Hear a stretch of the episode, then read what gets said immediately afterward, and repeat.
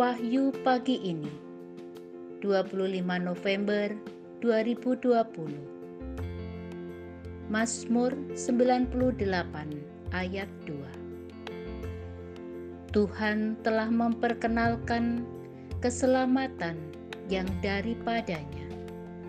Telah menyatakan keadilannya di depan mata bangsa-bangsa. Saudara-saudari terkasih, keselamatan Tuhan sungguh akan terwujud di dunia ini saat kita mau dan mampu mewujudkan keadilan sosial di antara para bangsa. Selamat pagi.